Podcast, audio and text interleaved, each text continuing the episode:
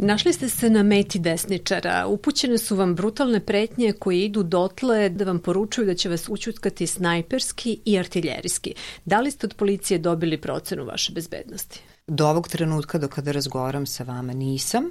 Uprkos činjenici da sam smatrala da po službenoj dužnosti policija treba da postupi, jeli, a, bivajući jasno da su pretnje ozbiljne, čim je postupilo tužilaštvo a, u odnosu na ljudi koji, ljude koji su potpisali te pretnje.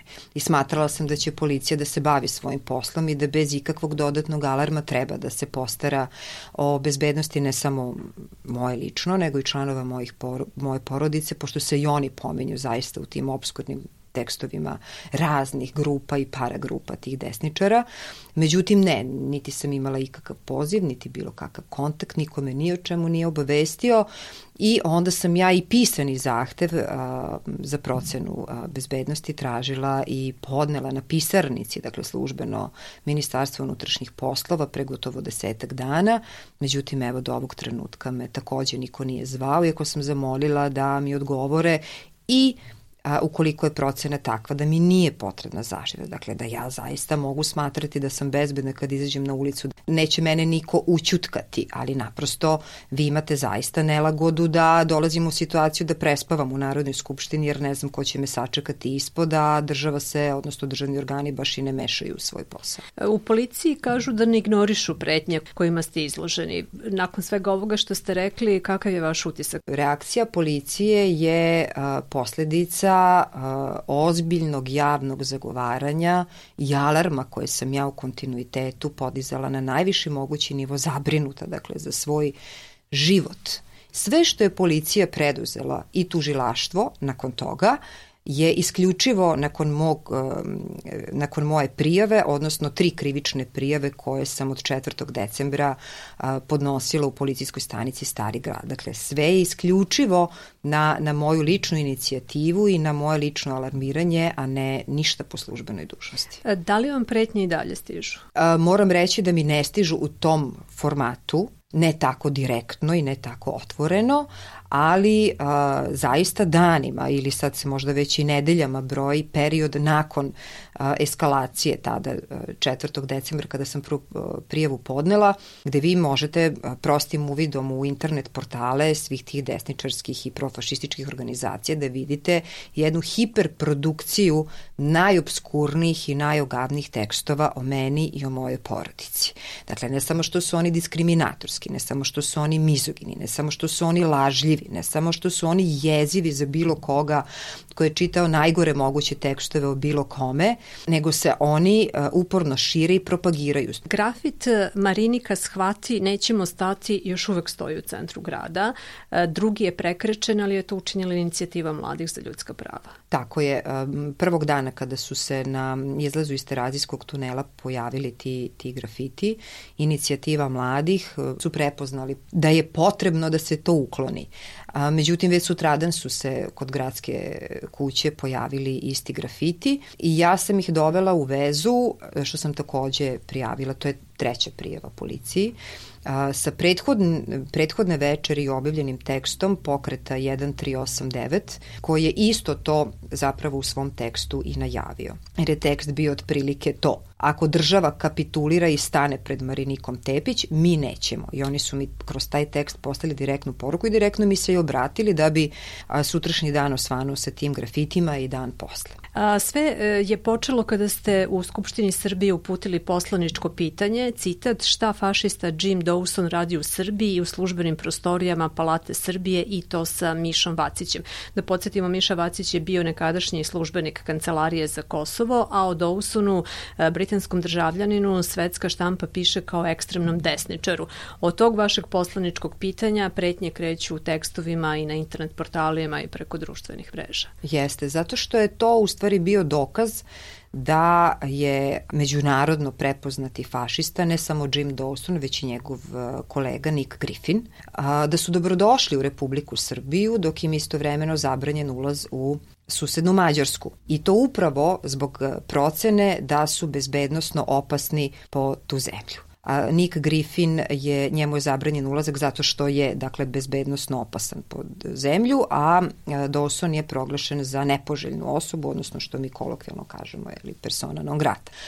I mene je zanimalo kako je moguće da, da um, takvi politički aktivisti, jer oni sigurno nisu došli da se dive labudovima u Novom Sadu ili u Beogradu, nego su došli sa određenom političkom ili propagandnom namerom, šta oni traže, ko je njihov cilj ovde u, u Srbiji, da bih sticem okolnosti, da pre nego što sam prvi put postavila pitanje, videla a, objavu koja mi je, a, prosto vi vidite iz navi naslova, mirisala, što bi rekli, na antimigrantsku tribinu u a, javnom prostoru, dakle službenim prostorijama grada Beograda, odnosno mesnoj zajednici Terazije, koju je organizovala, mislim za sada neformalna organizacija generacije identiteta. I onda, tražeći o čemu se radi, vi vidite da se ljudi iz generacije identiteta sastaju sa sa Dawsonom i sa Griffinom. Onda vidite da se tu uporno pojavljuju aktivisti Nacionalnog srpskog fronta, onda lepo proverite u APR-u, vidite da oni formalno jesu registrovani, ali da je njihovo delovanje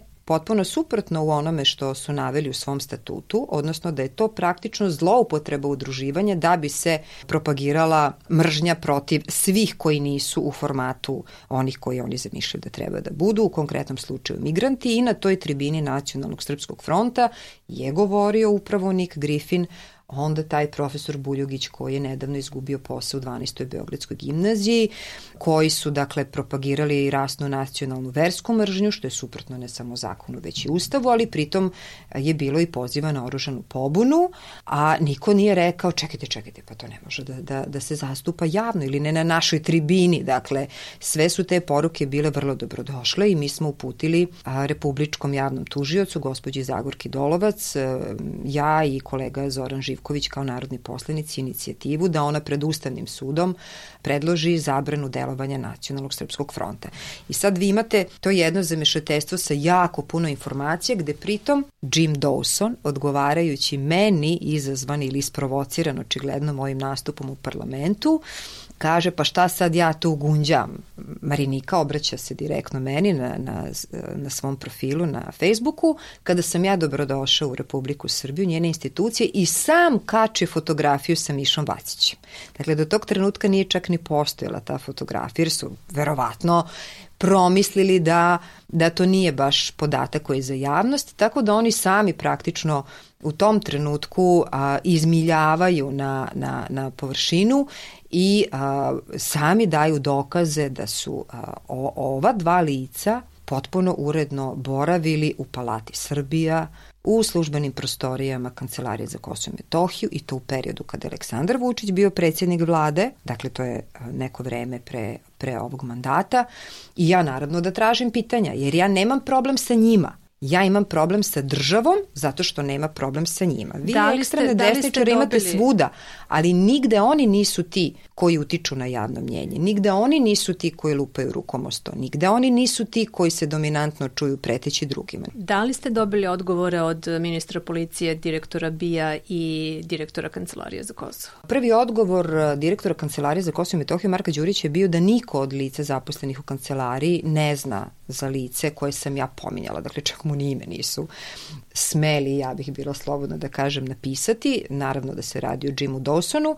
Međutim, ja sam već ovaj, na, na sledećem na, na zasedanju izašla sa fotografijom na kojoj se jasno vidi Griffin i Dawson zagrljeni sa Vacićem u službenim prostorijama kancelarije Marka Đurića i nikada više nisam dobila odgovor. Sam pitala zašto laže, zašto nas obmanjuje da, da a, moje pitanje je podmetnuto ili netačno kad ja dolazim s fotografijom da se ti ljudi šetaju po kancelariji za Kosovo i Metohiju.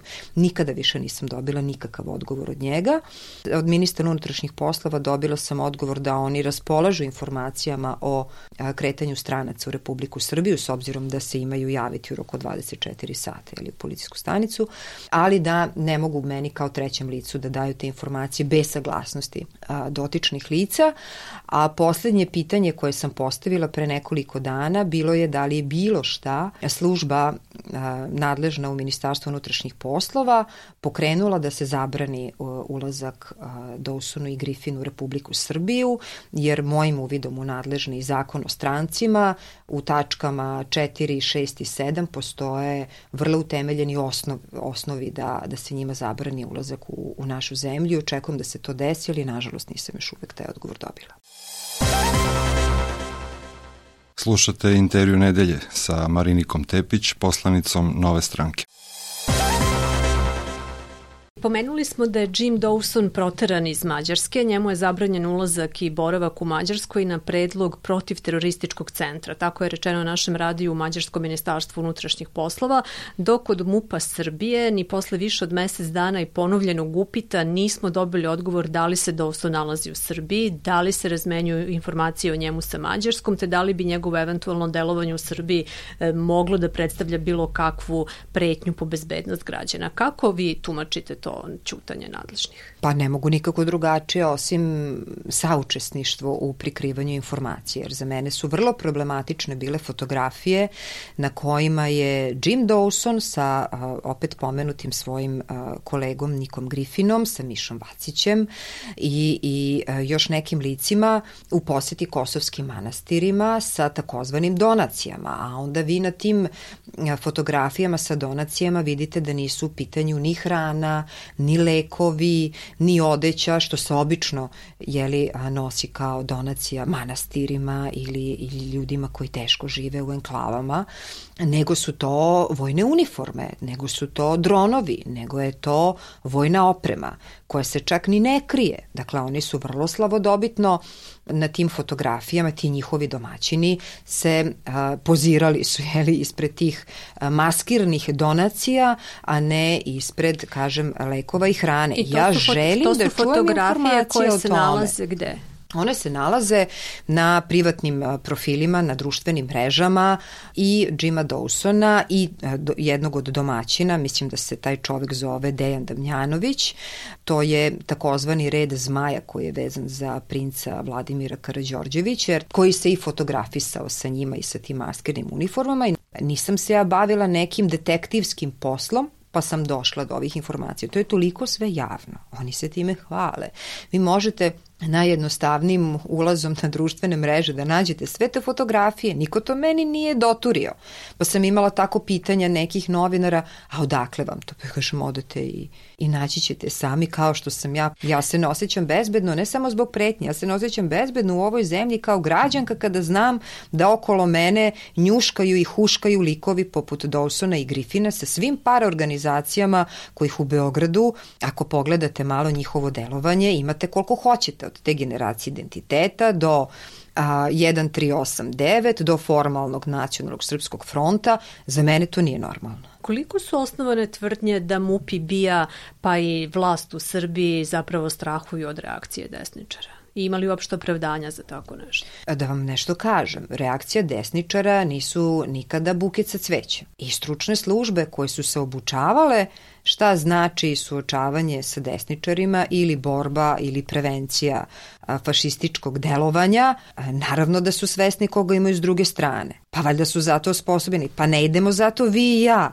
da se sa njima suočavamo. Zato postoje službe i obučeni ljudi koji tome služe. E, zašto bi po vama Dawson bio atraktivan za srpsku desnicu? A, zato što je on za početak prvo prepoznat kao neko ko je negator holokausta, koji je izraziti islamofob, što se potpuno podudara u najširoj slici sa onim što profašističke organizacije kroz svoje delovanje promovišu.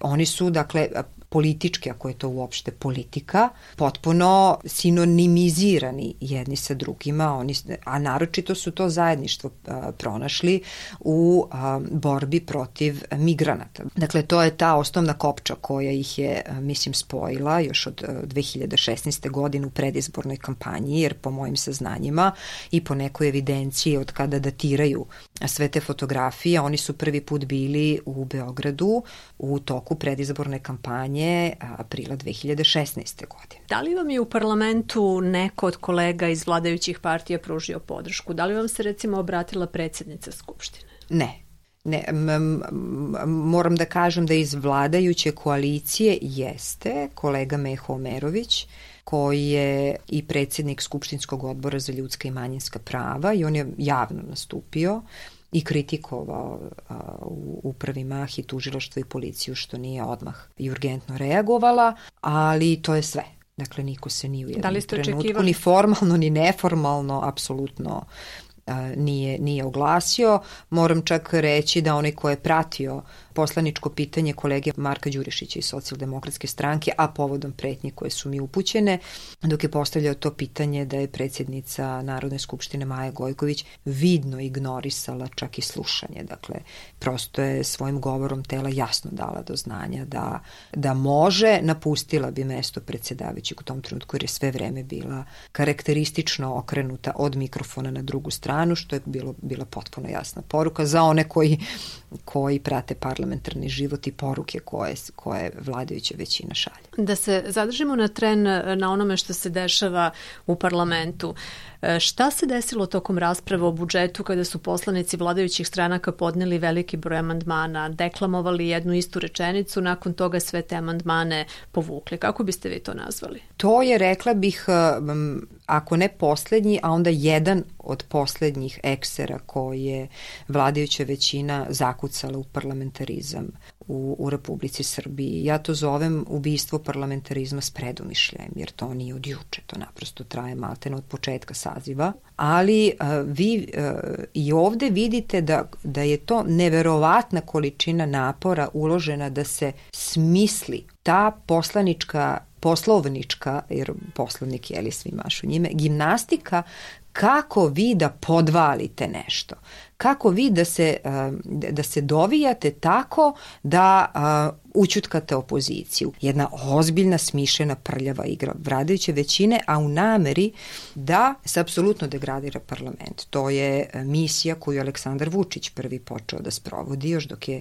prošle godine bio predsjednik vlade, jer je naš mandat bio i prošle godine. To je ta namera da se i poslednji kontrolni mehanizam nad radom vlade, a to je Narodna skupština, potpuno degradira. Mislite li da se opozicija dobro snalazi u takvim okolnostima? Vi imate nekoliko ozbiljnih dilema među ovim pristojnim svetom uh, unutar uh, opozicionih prodemokratskih stranaka. Kada imate takve aktere s druge strane, koji su izrasli iz radikalskog političkog brloka, koji imaju isključivo ofanzivni diskurs kao da tek osvajaju vlast, napadački, lažljivi, šta vi radite? ulazite sa njima u, u klinč, što znači da se učestvujete i valjate se u istom tom blatu s njima. Ne činite to što može da se tumači tako da nemate argumente, ne možete da se snađete i eventualno da je tačno to što oni tvrde. I treća opcija je, bar po onome što ja osluškujem od ljudi sa kojima komuniciram, je predlog da se napusti parlament. Ja sam zagovornik četvrte opcije – E, ne spadam u te koji smatraju da je odlazak opozicije iz parlamenta dobar i ušli smo da bismo a, bili bolji, glasni, da bismo povratili poverenje građana i da bi pobedili demokratski na izborima ne pučom i ne demonstracijama, jer se tako ništa valjano ne čini. Najjačim oružjima to je olovka i to su izbori. Ali jeste li glasniji? A, ja mislim da a, jesmo. Glasni smo onoliko koliko nam se prostora daje. I sigurna sam da kada bismo imali više prostora, prvo na, na nacionalnim medijima i tu prvenstveno mislim na servis javni, jeli, da bi i slika bila mnogo drugačija. Jer mi možemo da, da budemo glasni u parlamentu, ali mi nemamo prostor. Nama su zaista ruke vezane kada je reč o, o medijima koji pokrivaju a, najširi deo populacije, koji imaju najveći obuhvat. I znam da, da bismo mnogo bolje upravljali ovom zemljom, ali a, moramo da da se suočimo s tim da nemamo priliku da dođemo do građana. Ako vam neko kaže pa sedite u auto pa idite, mi to uradimo. A onda odete na teren gde vam se šetaju crni džipovi koji nakon toga snimaju ljude dronom koji dolaze na naše tribine i onda traže spisak tih ljudi pa idu tamo po javnim preduzećima gde radi ili ustanovama i ucenjuju ih za posao. Dakle, poslednje dve tribine na kojima sam ja učestvovala u Vojvodini su imale dronove na svojim ulazima. I naravno pitate šta je ovo? onda vam kažu pa prate nas da vide ko će ovde da dođe i sutra ćemo imati odmah pozive na razgovor kod šefova. Ko se drznuo da zine u lokalnim skupštinama protiv Aleksandra Vučića i lokalnih SNS klika odmah je imao preteće poruke ili on ili članovi njegove porodice već sutradan. I onda su nam jedini resurs društvene, društvene mreže koje nažalost nisu nisu tle za, za promovisanje bilo čije politike. To je samo alternativan način informisanja. E, još jedna tema koja je pred opozicijom su beogradski izbori. Do ovog trenutka nema dogovora o zajedničkom kandidatu, ili to znači da je ta priča završena ili da se možda još uvek pokušava na tome? Ono što ja mogu da vam kažem, a da iza toga čvrsto stojim, je ono što je nova stranka najavila još pre oko dva meseca, kada smo predložili profesorku Vesnu Rakić-Vodinelić za nosioca liste na beogradskim izborima, odnosno za gradonačelnicu. I tada smo rekli, kao što je i ona sama rekla, ukoliko se pojavi bilo koji kandidat da je bolji od mene, da mi smatramo da deli vrednosti i način rada koji je a, nama blizak i razumljiv, mi ćemo ga podržati. Do ovog trenutka se to nije dogodilo, što ne znači, kažem, da se neće dogoditi, ali do ovog trenutka mi nismo prepoznali ni u kome ko je a, sebe a, direktno ili indirektno najavio kao takmaca u, na beogradskim izborima za bolje kandidata od profesorke. Zašto Dragan Đilas nije prihvatljiv kandidat za novu stranku? Niti ja, niti profesor Karakić, niti je nova stranka dobila ikada ikakav poziv ili ikakav znak komunikacije od Dragana Đilasa. Mi smo pročitali u, u, u medijima da on ima nameru da se kandiduje i u medijima je, koliko sam razumela, poslao neki poziv nekim političkim akterima. Ja ne smatram lično da je to dobar put. Dobro, ali da zanemarimo sada to kako, kako je pas je pozvao. Da li je on kao kandidat prihvatljiv za novu stranku. Ali mi nismo čuli ništa šta on namerava, šta on hoće, zbog čega se uopšte kandiduje. Šta ga je nateralo na to da da misli da je bolje od drugih kandidata. Šta je to bolje što ono nudi od, od profesorke Rakić i nove stranke?